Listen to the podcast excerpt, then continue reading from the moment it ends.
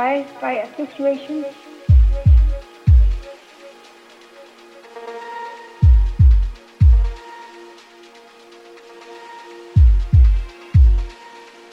It's about that when people fall in love, um, they they make this kind of drug in their body, and so they become addicted to each other physically. And the nature makes things out that way that that drug lasts three years. When you fall in love with a person, you think that might be the last time, that maybe you will never ever fall in love again. So it becomes a very precious thing to you, like like, and you treat it like completely like like this.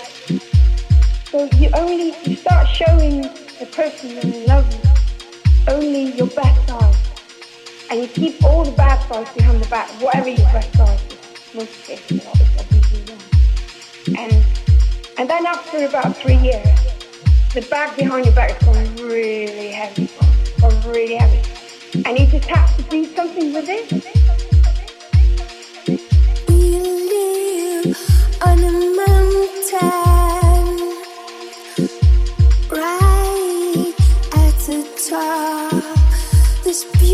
Beautiful